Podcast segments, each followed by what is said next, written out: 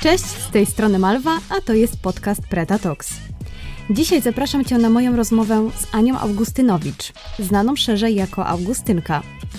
Ania jest motion designerem i w swoich pracach łączy sztukę kolażu, ilustracji oraz animacji. W tym odcinku rozmawiamy o tym, jak zaczęła się jej przygoda z projektowaniem, jak wygląda jej proces twórczy oraz czy mieszkanie na Bali jest prawdziwym rajem na ziemi, również pod względem pracy. A jeśli słuchasz naszego podcastu regularnie lub spodobał Ci się ten odcinek, może uda Ci się znaleźć chwilę, żeby ocenić go za pomocą gwiazdek w aplikacji Spotify. To bardzo pomaga nam w naszej pracy i motywuje do dalszego działania. Dzięki i zapraszam na rozmowę z Anią.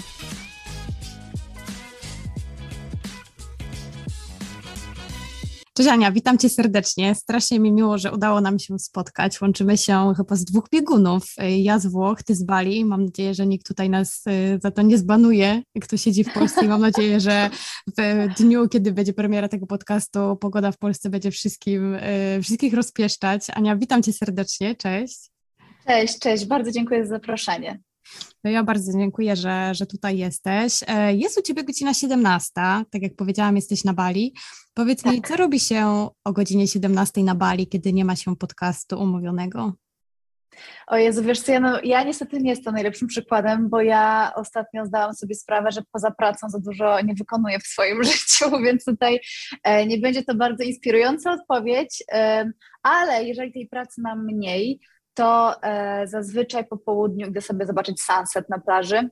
E, czasem jest to jeszcze surfing, e, jak są dobre warunki popołudniowe, a czasem jest to po prostu yoga lub po prostu chill w domu. Więc tak naprawdę no, nie jest to nic odkrywczego, raczej e, takie, wiesz, no, normalne, zwykłe życie. Z, z Tyle, że na Bali. dokładnie, dokładnie. Tak. tak dokładnie. do oceanu i do dobrej pogody. Czyli rozumiem, że nawet nie ma różnicy, czy jesteś w dużym mieście, które pędzi do przodu, czy jesteś na Bali, który jest synonimem właśnie spokoju, równowagi, work-life balance. E, jednak ta praca, ta praca dominuje u Ciebie w życiu.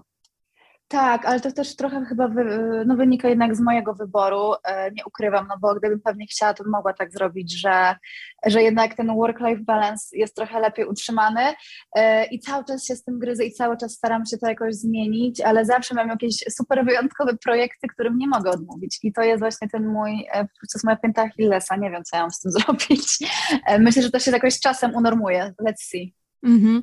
Może też jesteś w takim momencie, który, wiesz, wydaje mi się, że rzeczywiście teraz y, bardzo dużo projektów do ciebie spływa, y, robisz bardzo ciekawe rzeczy i to są rzeczy, które chyba kochasz robić po prostu, więc y, ta praca daje tak, ci też fan, tak. rozumiem. Tak, no i właśnie też w tym jest problem, że um, jakby dla mnie wiadomo, że praca jest pracą, też jest męcząca, jakby są dni, kiedy mi się nie chce, po prostu mi się nie chce i, i w ogóle, ale jednak jest to dla mnie taki fan i to jest dla mnie takie spełnienie po prostu siebie i swoich marzeń, że jak mam jakieś super projekty, w których naprawdę się świetnie bawię, czy ogólnie jakoś tam odkrywam swoje e, nowe e, jakieś, nie wiem, e, pomysły, czy coś, coś w tym stylu, to po prostu no, przynosi mi to dużą frajdę. Więc nawet jak siedzę przy tym komputerze te 10 godzin dziennie, wiadomo, że pod koniec dnia jestem po prostu no, zajechana, ale, ale mam satysfakcję. Mhm. To, jest, to, to, to, jest bardzo ciekawe, bo mm, oczywiście my obserwując Ciebie, mówię o osobach, które gdzieś obserwują Cię na Instagramie, oczywiście możemy mieć taki bardzo mm, zniekształcony obraz tego, jak wygląda Twoje życie, czyli właśnie, aha, okej, okay, teraz sobie surfuję na Bali, bo wiadomo, że po prostu na, w social mediach częściej wrzucamy nie tylko naszą pracę i nawet e, nie tyle proces twórczy, tylko same efekty pracy, gdzie odbiorca po prostu nie, nie jest świadom, ile stoi pracy za tym wszystkim. Mm, a częściej właśnie wrzucamy te, te przyjemne rzeczy, piękne zachody słońca i te momenty, kiedy idziemy sobie surfować. I bardzo fajnie, że to mówisz, i ja to gdzieś czytam u ciebie między wierszami, czyli na stories, gdzie ty mówisz dużo o tym, że siedzisz przed komputerem, przed ekranem i że to nie jest y, też takie super, prawda? Bo no. 10 godzin przed ekranem to jednak jest duże wyzwanie. Tak, no i to też jest właśnie bardzo odczuwalne, bo jak tak, jak jestem w Polsce i no pogoda jest beznadziejna 3 czwarte roku, no bo jest jak jest, no to jakby nie mam z tym problemu, bo i tak nie mam co robić, w sensie okej, okay, no mogę wyjść gdzieś ze znajomymi, coś fajnego zrobić, ale no jakby ile można, umówmy się, nie ma za dużo atrakcji do, do zrobienia, a tutaj jednak to mnie trochę bardziej boli, bo no jakby mam ten surfing, który kocham, który jest moją drugą największą pasją i jakby chciałabym spędzać więcej, więcej czasu w wodzie, nie mogę, bo mam pracę, yy, a w sumie i to jest takie coś, co się na przykład ze mną gryzie, bo jest ta piękna pogoda, bo w sumie jest tyle pięknych miejsc, które bym mogła zwiedzić i jeszcze zobaczyć, a, a nie mogę, bo pracuję. I to jest taki w sumie, no to jest taki temat, który się bardzo z tą gryzie, bo, bo właśnie, właśnie każdy mówi, że o, y, tak, teraz wróciłaś z Bali, no to wróciłaś przecież z sześciomiesięcznych wakacji, no nie, jakby nie, nie mam sześciomiesięcznych wakacji, jakby nie mogę sobie na to pozwolić w tym momencie, y, nawet gdybym mogła, to nie wiem, czy bym chciała po prostu, jakby ja muszę mhm. pracować, ja muszę mieć jakąś akcję cały czas, e, i to, że w sumie największy, no naj, tak, największa ilość moich klientów jest akurat z Europy, no to e, no to jakby mam też ten komfort, że mogę pracować, kiedy jeszcze właśnie inni śpią. Ja sobie wtedy coś tam robię, później jak Europa się budzi, to ja wtedy wychodzę z domu, robię swoje własne rzeczy i wtedy na przykład mam luz e, przy normalnej ilości projektów. tak, mm -hmm. tak, tak jest. Ja tutaj zbijam piątkę, bo dokładnie mam te same odczucia, gdzie właśnie od roku żyjemy w takim modelu jak ty, czyli gdzieś na jesień, zimę i wiosnę uciekamy po prostu z Polski właśnie do Włoch, mm, a później w wakacje jesteśmy, jesteśmy w Polsce mm, i dokładnie mam te same odczucia. Teraz jesteśmy przez miesiąc we Florencji i to jest o, turbo... piękne miejsce. Piękne miejsce, ale to jest turbo trudne, kiedy masz właśnie dużo pracy. Pogoda jest codziennie 27 stopni. Wiesz, że po prostu jest to multum rzeczy, które chcesz zwiedzić. Wiesz, że masz tylko ten miesiąc yy, i to jest bardzo trudne, żeby, żeby, tak. żeby oprzeć się po prostu tej pokusie, żeby cały czas być na zewnątrz, cały czas. I po prostu dobra, tak. nieważna jest ta praca. Yy, jestem ciekawa, czy, yy, czy ten model, który ty sobie też wypracowałaś, mm, to jest model, który myślisz, że będzie funkcjonował przez kolejne lata? Czy dobrze się czujesz z tym modelem? E, właśnie w połowie jesteś w Polsce, w połowie na Bali, czy to jest na razie taki eksperyment po prostu na tu i teraz? E, wiesz co, do, jakby docelowo planuję być na Bali jakby więcej czasu niż w Polsce. Docelowo też planuję mieć więcej czasu wolnego i więcej go spędzać na zewnątrz, ale to zobaczymy.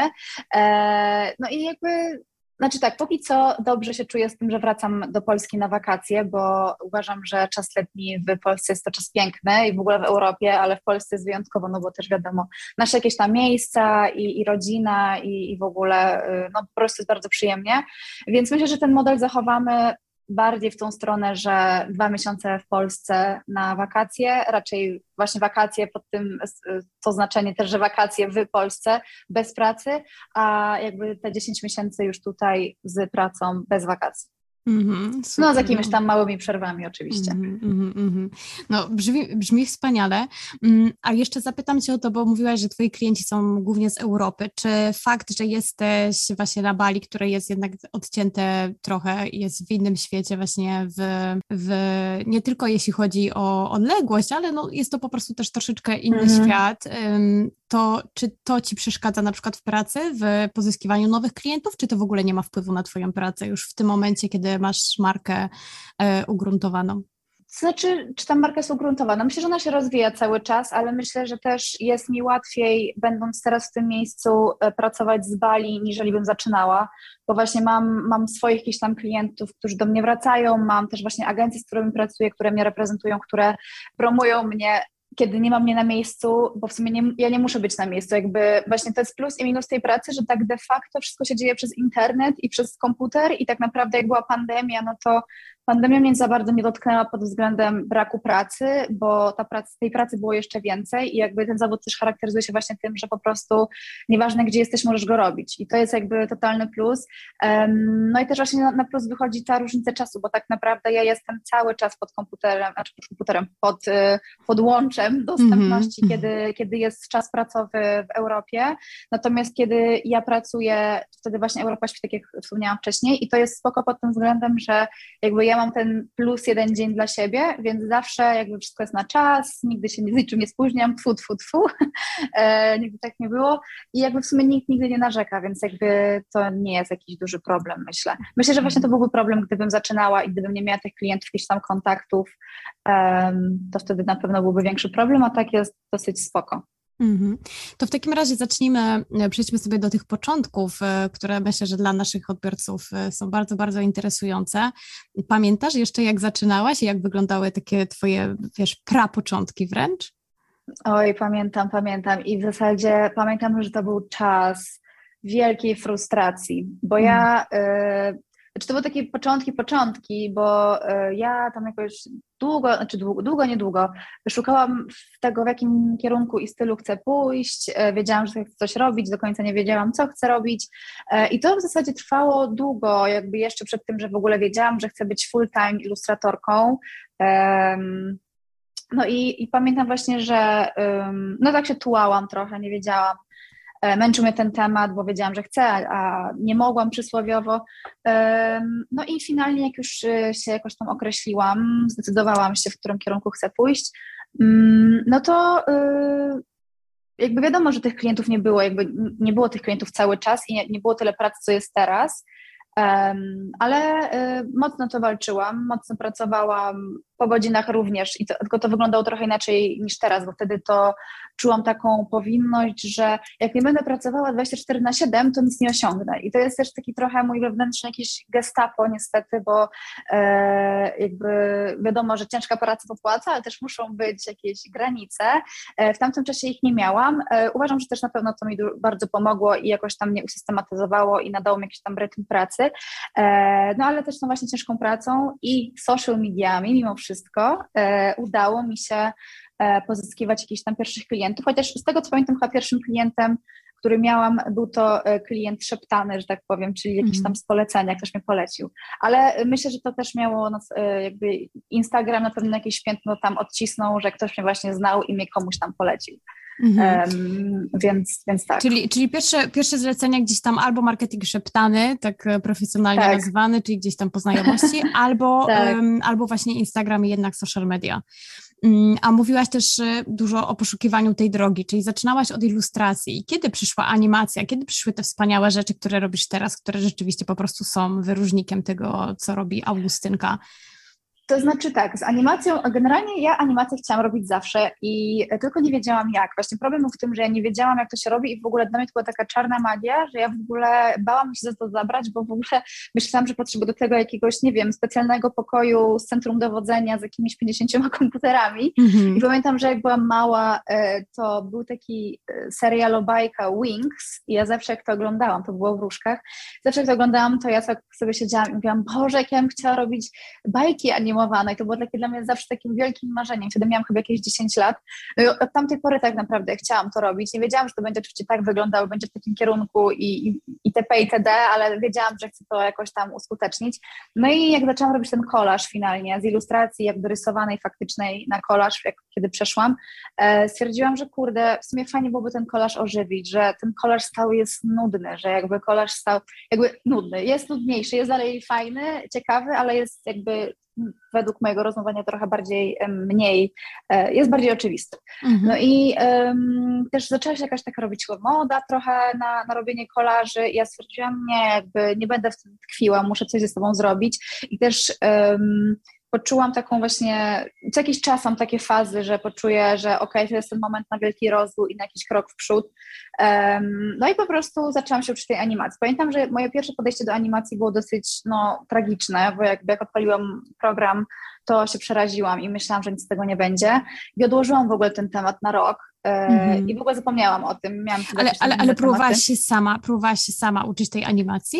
Nie, nie, to znaczy tak, to było tak, że ja y, poszłam, pamiętam, kiedy chciałam się jej nauczyć, poszłam na studium graficzne, bo y, w ogóle studiowałam inne rzeczy i w ogóle nic związanego z grafiką tak naprawdę, e, więc poszłam na studium, bo stwierdziłam, no nie będę tracić czasu na studia kolejne teraz, jakby mhm. halo, e, bo jestem taka oczywiście w gorącej wodzie kąpana. No i poszłam na to studium, e, gdzie się tej animacji właśnie miałam nauczyć, no i nie nauczyłam się jej, też bo po prostu się przeraziłam i nie, nie weszła mi w ogóle totalnie, jakby to nie, to nie było tak, że odpaliłam komputer, program i po prostu byłam, o, umiem, robię, nie, w ogóle. Mhm. No i właśnie wtedy odstawiłam to na rok, w sensie zrobiłam to, co tam musiałam zrobić z tej animacji, ale generalnie no, nie poczułam tematu. I później sama do tego wróciłam, jak zaczęłam się właśnie uczyć sama. E, I chyba właśnie to też chodzi o to, jakby ja jestem taką osobą, że mi wejdzie więcej, kiedy się uczę sama, niżeli ktoś będzie mnie uczył, przynajmniej jeżeli chodzi o tematy związane z grafiką. Mhm. Um, no i też tak właśnie z animacją. No i siedziałam te 150 godzin dziennie, że tak powiem, nad tą animacją i w sumie zaczęło się też od tego, że po prostu um, potrzeba matką wynalazku, prawda, czyli jakby to, co potrzebowałam, tego się uczyłam. No i tak po prostu step by step zaczęłam iść do przodu. Um, Czyli ale było tam, początki... było tam trochę metody prób i błędów, rozumiem, w tej animacji i, i szukania tak, właśnie tak, własnej tak. drogi. Mm -hmm, tak, totalnie. I właśnie to też było tak, że y, to też, to bardzo chcę podkreślić, że to też nie było tak, że tak jak mówię, no ja odpaliłam ten program z robienia animacji i, i stwierdziłam, że jestem najlepsza i, i robię to, bo się totalnie czułam totalnym lamusem i ja totalnie nic nie kumałam. E, mhm. Ale po prostu myślę, że to też nie był ten moment, e, kiedy, kiedy czułam, że to, że to jest to w tym momencie, że ja będę to robiła cały czas. Ja chyba nie byłam po prostu gotowa jakoś psychicznie na to, żeby to mhm. przyjąć. E, a później już, już poszło totalnie z górki. Mm-hmm. No niby poszło z górki, ale patrząc na Twoje prace, ja jestem pod ogromnym wrażeniem, dlatego że mamy tam ilustrację, kolaż i jeszcze to wszystko się rusza, jest animowane. I zastanawiam się, jak podchodzisz mm, na początku do projektu, gdzie szukasz klucza, gdzie szukasz jakiegoś takiego punktu wspólnego, y, który, albo punktu wyjścia, który po prostu sprawi, że projekt będzie dalej płynął, bo jest tam bardzo dużo bodźców, bardzo dużo elementów yy, i bardzo mnie interesuje to, gdzie jest ten początek tego projektu, jak to wygląda. E, na początek zawsze jest e, wtedy, kiedy dostaję brief. E, ja też jestem taką osobą, która, której się lepiej pracuje Niestety, niestety, mm, przy zleceniach komercyjnych, jakby ja mhm. wolę tworzyć rzeczy dla klientów niż dla siebie. Jak mam coś zrobić dla siebie, to trwa to pięć razy dłużej, pięć po prostu razy więcej się frustruję, bo w sumie wiem, co chcę, ale do końca nie wiem, co chcę i w sumie mam pomysł, ale mogłabym tam siedzieć i po prostu dłubać, bo nie mam żadnego deadline'u. A kiedy mam deadline, mam coś narzucone, no delikatnie chociażby z góry i, i wiem, że mam do tego klienta, e, do którego zawsze czuję bardzo duży szacunek i, i jakby zawsze chcę dostarczyć coś najlepszego, no to, to zaczynam jakąś tam tą drogę wyznaczyć. No i w momencie, kiedy dostaję brief czy cokolwiek, jakby coś, co przypomina jakiś brief, bo nie zawsze mm -hmm. jest to mhm. brief niestety, no to zaczynam po prostu, mam taki swój, tutaj nawet Ci pokażę, mam taki swój zaszycik e, i w tym zaszyciku e, zaczynam pisać i po prostu wypisuję sobie jakieś tam słowa klucze, robię sobie jakąś tam mapę myśli, wypisuję pomysły, bardzo luźne, po prostu co mam w głowie. Mm, często jak, często, często nie często, zależy, jak nie mam pomysłu, to jakby staram się wyciszyć, jakby jakoś tam pomyśleć o tym w inny sposób, ale zawsze to się u mnie zaczyna na papierze i zawsze ta historia jakoś płynie, bo inaczej ja się po prostu nie potrafię skupić, typu jak sobie coś pomyślę w głowie, później mi to umknie i do tego dalszej historii jakoś nie będę potrafiła dopisać, więc zawsze się staram to zapisać i też jakoś, nie wiem, mój mózg lepiej myśli, jak widzi zapisane słowo e, Czyli na kartce papieru. zaczynasz od słowa, a nie od wizualizacji, nie od obrazu. To jest bardzo ciekawe tak. akurat w kontekście tego, czym się tak. zajmujesz. Mhm. E, tak, totalnie i to też jest w ogóle dosyć ciężkie, kiedy klient chce na przykład zobaczyć jakiś draft Mhm. E, albo szkic. I ja A ty mu pokazujesz no, zeszycik e, z mapą tak. myśli ze słowami. Ja mówię, nie no, jakby co teraz, kurde, muszę, jakby zawsze jak klient prosi o draft, wtedy muszę coś robić jakby dodatkowo, no bo jakby nie pokażę mu swoich buzz growth, no bo to jest po prostu wstyd. Mhm. Zresztą jakby nikt tego nawet nie zrozumie. E, no i tam raz na jakiś czas, jak się zdarzy, że muszę przygotować jakiś e, treatment czy coś, coś takiego, no to e, opisuję te swoje pomysły również słownie, no ale wiadomo jak to jest, no można sobie opisać słownie, a jakby interpretacji może być 50, tak, jakby zależy od wyobraźni osoby, a czasami nawet no tej wyobraźni nie ma, no bo ten, jakby ta osoba, ten klient zatrudnia Ciebie, żebyś to Ty zrobiła coś wizualnego, kreatywnego, więc jakby ja wcale tych osób nie winię, że one sobie nie potrafią wyobrazić, no bo nie muszą, jakby ja jestem od tego, więc jakby tak, to jest ciężkie, kiedy ja zapisuję sobie i muszę to później komuś przedstawić, to jest dla mnie chyba najgorszy e, moment procesu twórczego, kiedy właśnie muszę przedstawić draft, no bo to jest w ogóle ani nie wygląda, ani nic, no. Także, ale anyways, no i później jak mam ten draft, znaczy to, to, to, te kartki zapisane, no to sobie e, jakoś to krok po kroku przenoszę na, na komputer, na tą swoją wizję i, i w ten sposób działam. I później jak widzę już ten e, powstały produkt, że tak powiem, i coś mi tam nie pasuje, no to wiadomo, coś tam dorabiam, dodaję, odejmuję, ale zawsze jest to jakoś bardzo, jest tam schemat na pewno. Mhm. A dużo robisz takich poprawek? Bo właśnie przez tą ilość elementów i rzeczy, które się tam dzieją, to mi się wydaje, że to można by ulepszać w nieskończoność, przynajmniej wiesz, z punktu widzenia osoby, która to robi, z punktu widzenia artysty. Jak to wygląda u Ciebie? Mhm. Wiesz co, um, są takie projekty, gdzie faktycznie mam wrażenie, że ja tego nigdy nie skończę, bo zawsze coś będę mogła dodawać i zawsze coś będę mogła poprawiać. W zasadzie taki projekt właśnie skończyłam, znaczy nie skończyłam, mam nadzieję, że go skończyłam, ale zobaczymy. E, tym, ty, w tamtym tygodniu e, i właśnie miałam takie poczucie, że Jezu, ja tego nigdy nie skończę, po prostu to się już, ja już mam nawet dojść tego, że ja sama chcę to poprawiać, jakby po prostu już miałam moment, że dobra Jezu, wyślij to, już święty spokój miej, ale po prostu nie, ja nie mogę, ja po prostu nie mogłam po nocach spać, e, więc musiałam też jakoś tam ulepszyć, ulepszyć, ale to jest akurat rzadko. Zazwyczaj mam tak, że jak robię jakiś projekt i robię go, robię i finalnie jakby jest ten moment, kiedy powinien być skończony, to zazwyczaj mm, tych poprawek nie jest dużo z mojej strony, bo ja po prostu czuję, że okej, okay, to jest to, jakby dacyt, wysłałam do klienta i ja jestem 100% zadowolona, um, no ale też jakby są to poprawki od strony klienta, za które jakby tam no, zazwyczaj są dwie tury max. Mm-hmm. A, ale rozumiem, że te poprawki od klienta, czyli zmora wszystkich właśnie projektantów szerokiej maści, zdarzają się również i tobie, tak na pocieszenie. No oczywiście, oczywiście, że tak, bo wiesz, no bo tak, tak, tak, jakby to jest e, totalnie normalne i jakby wiadomo, że są klienci bardziej wymagający, mniej wymagający, ale jakby też trzeba zrozumieć każdą markę i trzeba też zrozumieć, że na przykład, nie wiem, jak jest bardzo duża marka, no to to nie jest jedna osoba, z którą ty piszesz maile i jakby i ona ma jakieś, e, widzi mi się, że tak powiem, tylko jest to na przykład szereg osób, które ma coś do powiedzenia i to trzeba jakoś tam zebrać w jakiś jeden feedback. No i też każda marka ma na przykład, no nie wiem, jakieś swoje własne wytyczne typu, e, no logo na, na pewno musi być większe gdzieś tam mm -hmm. zawsze i, e, i, i tym podobne, więc jakby ja też staram się do tego podchodzić z jakimś tam zrozumieniem i też z tym, że no jednak ja nie robię tej pracy dla siebie, kiedy ona jest komercyjna, tylko jednak no jest to, musi być to spełnienie potrzeb jakiegoś tam klienta. No i wiadomo, że on mnie zatrudnia, bo chce moją wizję i chce mojego stylu, ale jednak jest to praca komercyjna, więc jakby no nie dajemy się zwariować.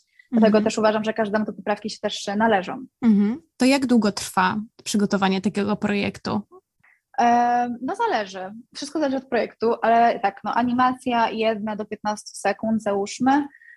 E, no to jest tak, no nie wiem, z 5 dni pracy mojej plus później poprawki. Mhm. Mhm. Ale to jest bardzo wszystko indywidualne, bo y, czasami te animacje właśnie są bardziej wymagające, wymagające czasami są mniej wymagające, więc y, czasami klient wysyła mi feedback przez tydzień, a czasami pół sekundy, więc mhm. to A dużo, dużo, jest przypadków w tym, co robisz? Chodzi mi o to, czy na przykład powstawały jakieś super projekty, które zrobiłaś przez to, że kliknęłaś coś przez przypadek? Oj, tak, tak, tak, to się dzieje w ogóle cały czas. Yy, to znaczy, to nie jest tak, że cała praca jest przypadkiem, to na pewno nie, ale jakieś tam efekciki mi się zdarzają być przypadkowe, bo w sumie coś tam kliknę, coś tam sobie wypróbuję yy, i mówię, o, w sumie spoko. Yy, mhm. Więc to też jest to, jest to co lubię przy, w pracy na komputerze, że jakby tych opcji jest naprawdę no, wielka, ogromna, nieskończona ilość i zawsze coś może wyjść fajnego z przypadku. Mhm. To jeszcze zapytam o, to, o ten proces twórczy. Czy zdarza się tak, że jesteś w połowie jakiegoś projektu i totalnie zmieniasz koncepcję? E, wiesz co, mm, nie. To się zazwyczaj nie zdarza, bo po prostu nie mam na to czasu. Um, może w jakichś takich przypadkach naprawdę skrajnych, że stwierdzam, że nie no, to wygląda tragicznie, jakby nie jestem w stanie z tym nic zrobić, ale to zazwyczaj się jakoś tam um, no, klaryfikuję na początku każdego projektu, czyli jakoś tam pierwszy, drugi dzień, zazwyczaj to jest drugi dzień, kiedy pracuję nad czymś i jak tego drugiego dnia widzę, że to nie idzie w ogóle w żadną dobrą stronę, to wtedy mi się zdarzy zmienić kierunek, ale nie w 100%. Jakieś tam mm. może pojedyncze rzeczy, ale nie, znaczy nigdy, zazwyczaj nie, nie zmieniam tego w 100%. Mm -hmm. Zastanawiam się, które projekty dają Ci najwięcej satysfakcji, które projekty najbardziej lubisz, jakich klientów najbardziej lubisz, czy mm, tutaj bardziej pytam o branżę, bo oczywiście wiem, że mocno siedzisz mm -hmm. w mhm. branży fashion i beauty i czy to jest właśnie ten sektor, który Ci daje najwięcej frajdy i masz tam najlepsze pomysły, najlepiej się tam czujesz? Totalnie tak. Ja mhm. jestem totalną y, babą, że tak że tylko powiem. E, ja kocham kosmetyki, ja kocham ciuszki, mm-hmm. więc kiedy ja pracuję po prostu z klientem fashion czy beauty, dla mnie to jest po prostu miód na moje uszy, mm-hmm. więc jakby to jest totalnie branża, w której ja się spełniam, e, bardzo lubię właśnie magazyny modowe, po prostu klientów fashion, e, beauty i w sumie to są takie moje najlepsze no, projekty, które zawsze mi przynoszą właśnie najwięcej frajdy, bo to też są projekty, które zazwyczaj mają najfajniejsze zdjęcia. Mm-hmm. Ale też trzeba pamiętać o tym, że w kolażu, e, no jakby nie ukrywajmy, zdjęcia robią największą robotę, no bo jeżeli masz brzydkie zdjęcie, no to wiadomo, mogę je tam przerobić, coś tam podziubać z nim, no ale od brzydkiego zdjęcia, no bardzo mało można zrobić, e, a jednak ci klienci fashion no, e, robią te swoje kampanie, mają swoje jakieś zasoby, które są fajne, więc zawsze to po prostu wychodzi lepiej. Takie mam mm. odczucie. Mm-hmm. Projekt, z którego jesteś tak najbardziej dumna, to właśnie jest projekt, który robiłaś we współpracy z Fashion, czy może projekt wizualizacji dla Dawida Podsiadło, który pokazał się na Wielkim Stadionie w Chorzowie, co było no, niesamowitym, myślę, doświadczeniem. Nie, no to dla Dawida było super. E, to myślę, że to był e, highlight tych wakacji, jeden z, bo wakacje się dużo działo, ale na pewno na tego długo nie zapomnę. Jestem mm. bardzo wdzięczna e, no, Dawidowi, powiedzmy, no bo Dawid nic nie wiedział, ale, ale bardzo fajnie, że to wyszło. I w sumie, hmm, wiesz co, generalnie te moje ulubione projekty się jakoś zmieniają raz na jakiś czas. Nie ma takiego czegoś, że przez rok sobie myślę, o, to jest mój ulubiony projekt forever. Mm-hmm. tak raczej co trzy miesiące, co cztery miesiące, kiedy przychodzą nowe projekty, sobie myślę, o, to jest mój nowy ulubiony projekt, bo jest to jakby najbardziej świeże i jest to najbardziej coś takiego, z czym się najbardziej w tej chwili utożsamiam, bo na przykład jak patrzę na swoje projekty, wiadomo, sprzed czterech czy pięciu lat, to sobie myślę, Jezus Chrystus. Czyli masz te ciarki żenady, jak patrzysz na swoje stare projekty. O Jezu, mhm. strasznie. Znaczy, no ja um, właśnie jestem w takim momencie, kiedy myślę, czy by zrobić ten sort po prostu w swoim portfolio, bo jak, no, no totalne ciarki zażenowania, no co ja będę mówiła. Mm, a Ania, interesuje mnie strasznie też y, w kontekście jeszcze tego procesu twórczego. Czym, czym się karmisz tak po prostu? Czyli y, no, mówiąc po ludzku wprost, skąd bierzesz pomysły na to wszystko? Bo mhm. tak jak cały czas mówię, tam się tyle dzieje i tyle tam po prostu jest rzeczy, z których można też dużo wyciągnąć inspiracji dalej. Co jest Twoją taką pierwotną inspiracją? Znaczy tak, e, to jest dosyć banalne, ale wiadomo, że życie, e, życie codzienne, czyli e, rozmowy bardzo mnie inspirują. Ogólnie jak rozmawiam z innymi ludźmi, którzy też są jakoś tam w jakiś sposób kreatywni, czy nawet nie, i ich sposób e, spostrzegania po prostu świata, to jest dla mnie jakoś takie bardzo inspirujące, ale z rzeczy wizualnych, które mnie inspirują, to są na pewno fotografie. Mhm. E, wiadomo właśnie, no bo kolaż się opiera na tej fotografii, więc te fotografie bardzo mnie e, inspirują i też często jak widzę jakieś zdjęcie, to po prostu wiem, co chcę z nim zrobić. Po prostu jakby mam coś takiego, że okej, okay, z tym zrobię to, to i to. I to jest właśnie ze zdjęciami, które jakoś tam, wiadomo, są moje estetyce, jakby, które, mi, które mnie jarają, jakoś tam właśnie inspirują. No i co jeszcze? Wiadomo, malarstwo, jakieś no, takie banalne rzeczy typu pójście do muzeum. Akurat okej, okay, teraz jak jestem na Bali, to nie chodzę do muzeum, bo nie mam gdzie chodzić, mm. um, ale takim muzeum codziennym jest po prostu też Instagram. Mm. I, I właśnie e, jakieś nawet scrollowanie e, tablicy Explore na Instagramie, gdzie, gdzie mam jakichś tam fajnych artystów, czy właśnie malarzy, czy fotografów, Ale rozumiem, że to też jest bardziej mm, sztuka współczesna, zarówno fotografia, czy malarstwo, czy jakikolwiek inny aspekt mm, artystyczny. Mówimy o, współce, o, o, mm, mówimy o sztuce współczesnej, czy te jakieś e, minione dekady, stulecia e, też? W większości, w większości tak, ale totalnie jakby ja bardzo też oczywiście e, lubię kubizm, bardzo lubię impresjonizm, jakby to też nie jest tak, że tylko się opieram na rzeczach, które powstają teraz.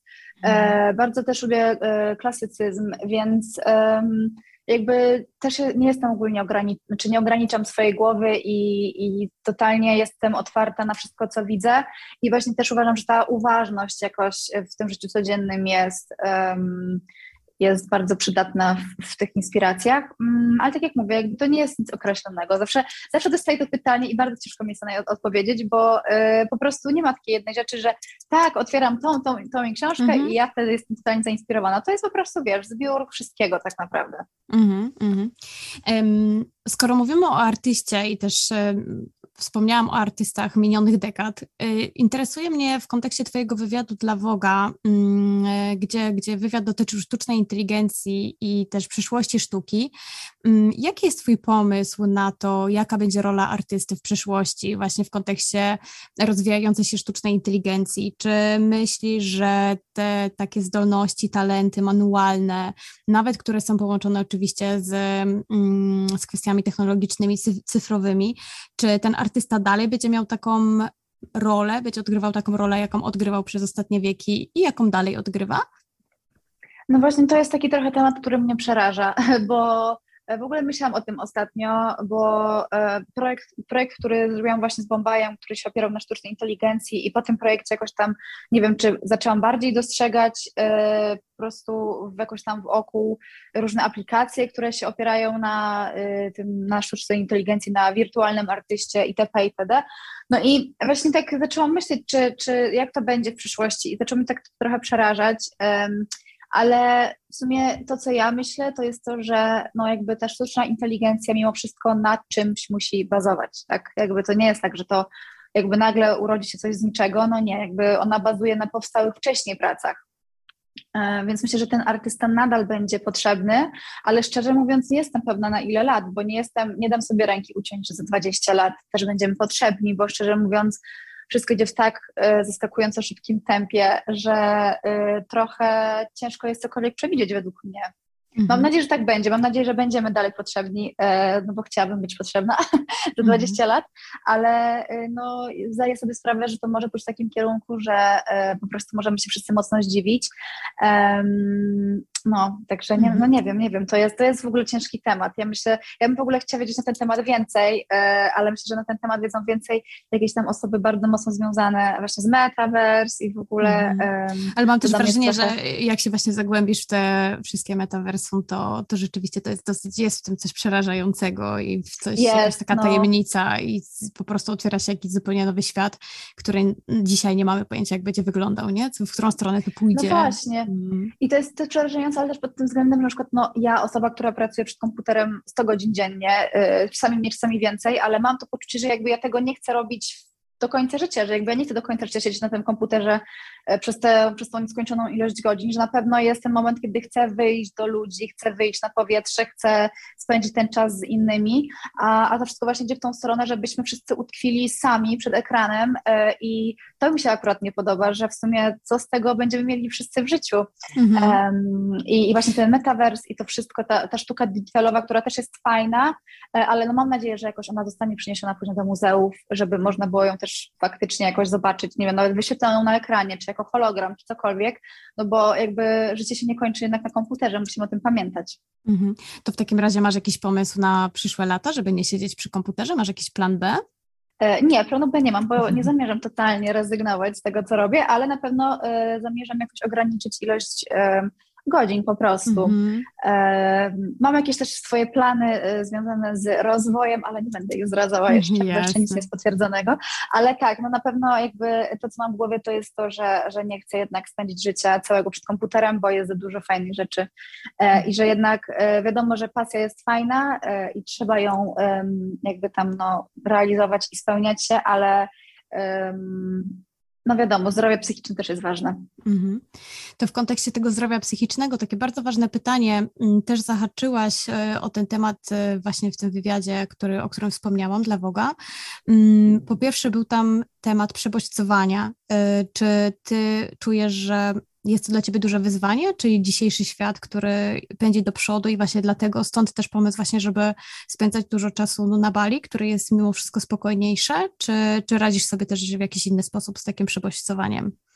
Yy, tak, totalnie mam problem z przewodnicowaniem i, i nie ukrywam, że, że nie jest to dla mnie w ogóle coś łatwego, yy, bo ja nie jestem osobą, która jest w stanie się skupić na 50 rzeczach naraz, tylko raczej jestem, yy, mus, muszę mieć, jakby jak mam jedną rzecz, to mam jedną rzecz, totalnie nie potrafię robić pięć rzeczy naraz. I no i to też tak jest właśnie w kontekście pracy. I na przykład jeżeli jestem w Polsce, pracuję nad czymś, jest godzina dziesiąta i nagle urywa mi się telefon, dostaję maile, coś już trzeba na już, na teraz. Ja robię jakiś inny projekt, który też muszę zrobić na jakoś na niebawem e, i po prostu dostaję no po prostu, żeby brzydko nie powiedzieć, ale po prostu mm -hmm. zalewa mnie krew i bardzo często robię tak, że po prostu wyłączam telefon lub um, wyciszam go, czy tam zrobię ten mode um, spania mhm. w telefonie, bo po prostu nie jestem sobie w stanie poradzić z, z przebodźcowaniem. Tak samo z notyfikacjami. Mam totalnie wyłączone notyfikacje z Instagrama. Jest to dla mnie ciężki temat, dlatego też właśnie jak jestem tutaj na Bali, czuję się trochę bardziej uwolniona od tych bodźców. Jest trochę mi łatwiej, ale nadal czuję się przebodźcowana y, w niektórych momentach, więc to też jest taki jest taka rzecz, którą trzeba jakoś tam sobie wypracować na pewno. Mhm. Ale ucieczka chodzi... na Bali na pewno mi pomogła. Tak. Mhm. A jeśli chodzi o to odpuszczanie projektów, o którym mówiłaś na samym początku naszej rozmowy, yy, uczysz się tego, czy jest to y, sfera, gdzie myślisz, że masz jeszcze coś do wypracowania, właśnie yy, do nauczenia się, żeby odpuszczać niektóre projekty, czy totalnie tak jakby jesteś z tym ok, bierzesz te projekty dlatego, że po prostu to jest twoja pasja i coś, co lubisz? E, wiesz co, znaczy tak, generalnie odpuszczenie projektów już mi idzie o wiele lepiej e, od jakiegoś pół roku, dziewięciu miesięcy e, i odpuszczam tych projektów już nawet dosyć sporo, ale nadal i tak jakby i tak tego robię dużo. I, i to jest też tak, że zaczęłam te projekty jakoś tam sobie um, sortować i też rozpoznawać um, swoje samopoczucie coraz bardziej i patrzeć na to, jak ja się czuję i jak jestem bardzo przemęczona. I dla mnie takim ostatnim momentem kulminacyjnym był czerwiec tego roku, kiedy y, totalnie przegięłam z ilością pracy i byłam na totalnym wyczerpaniu i wtedy to był dla mnie taki moment, kiedy powiedziałam sobie, że nie, nie, nie, nie, nie, tak nie może być. I wtedy lipiec sobie zrobiłam cały wolny od pracy, mm, żeby sobie jakoś tam poukładać i przemyśleć.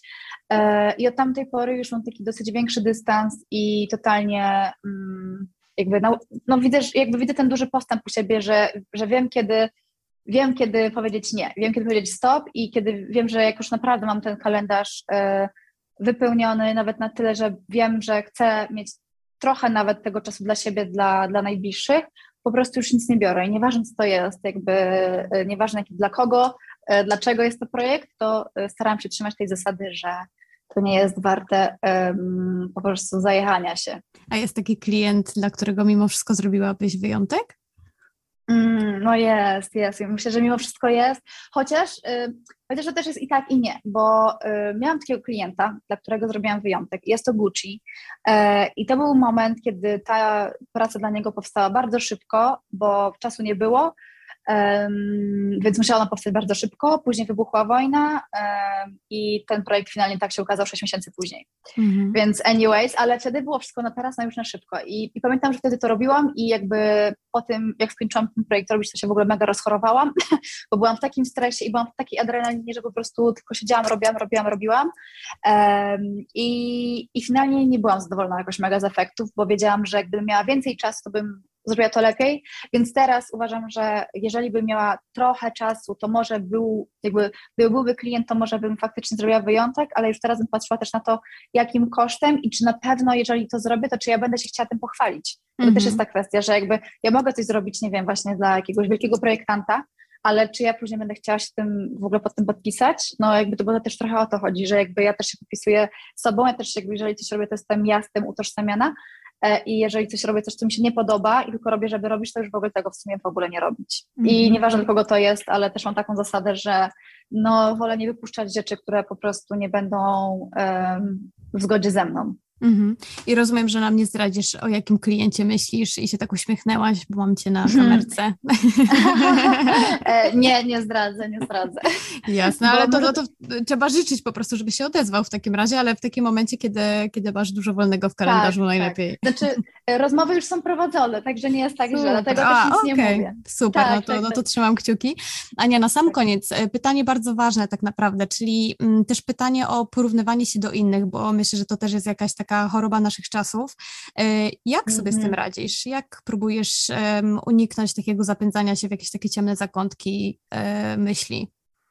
Mm, przede wszystkim e, staram się ograniczyć czas na social mediach, bo to nie pomaga, bo zawsze się znajdzie ktoś, kto jest bardziej successful, ktoś, kto mhm. jest bardziej produktywny, ktoś, kto jest przysłowiowo ładniejszy, piękniejszy i jego prace są lepsze i, i w ogóle.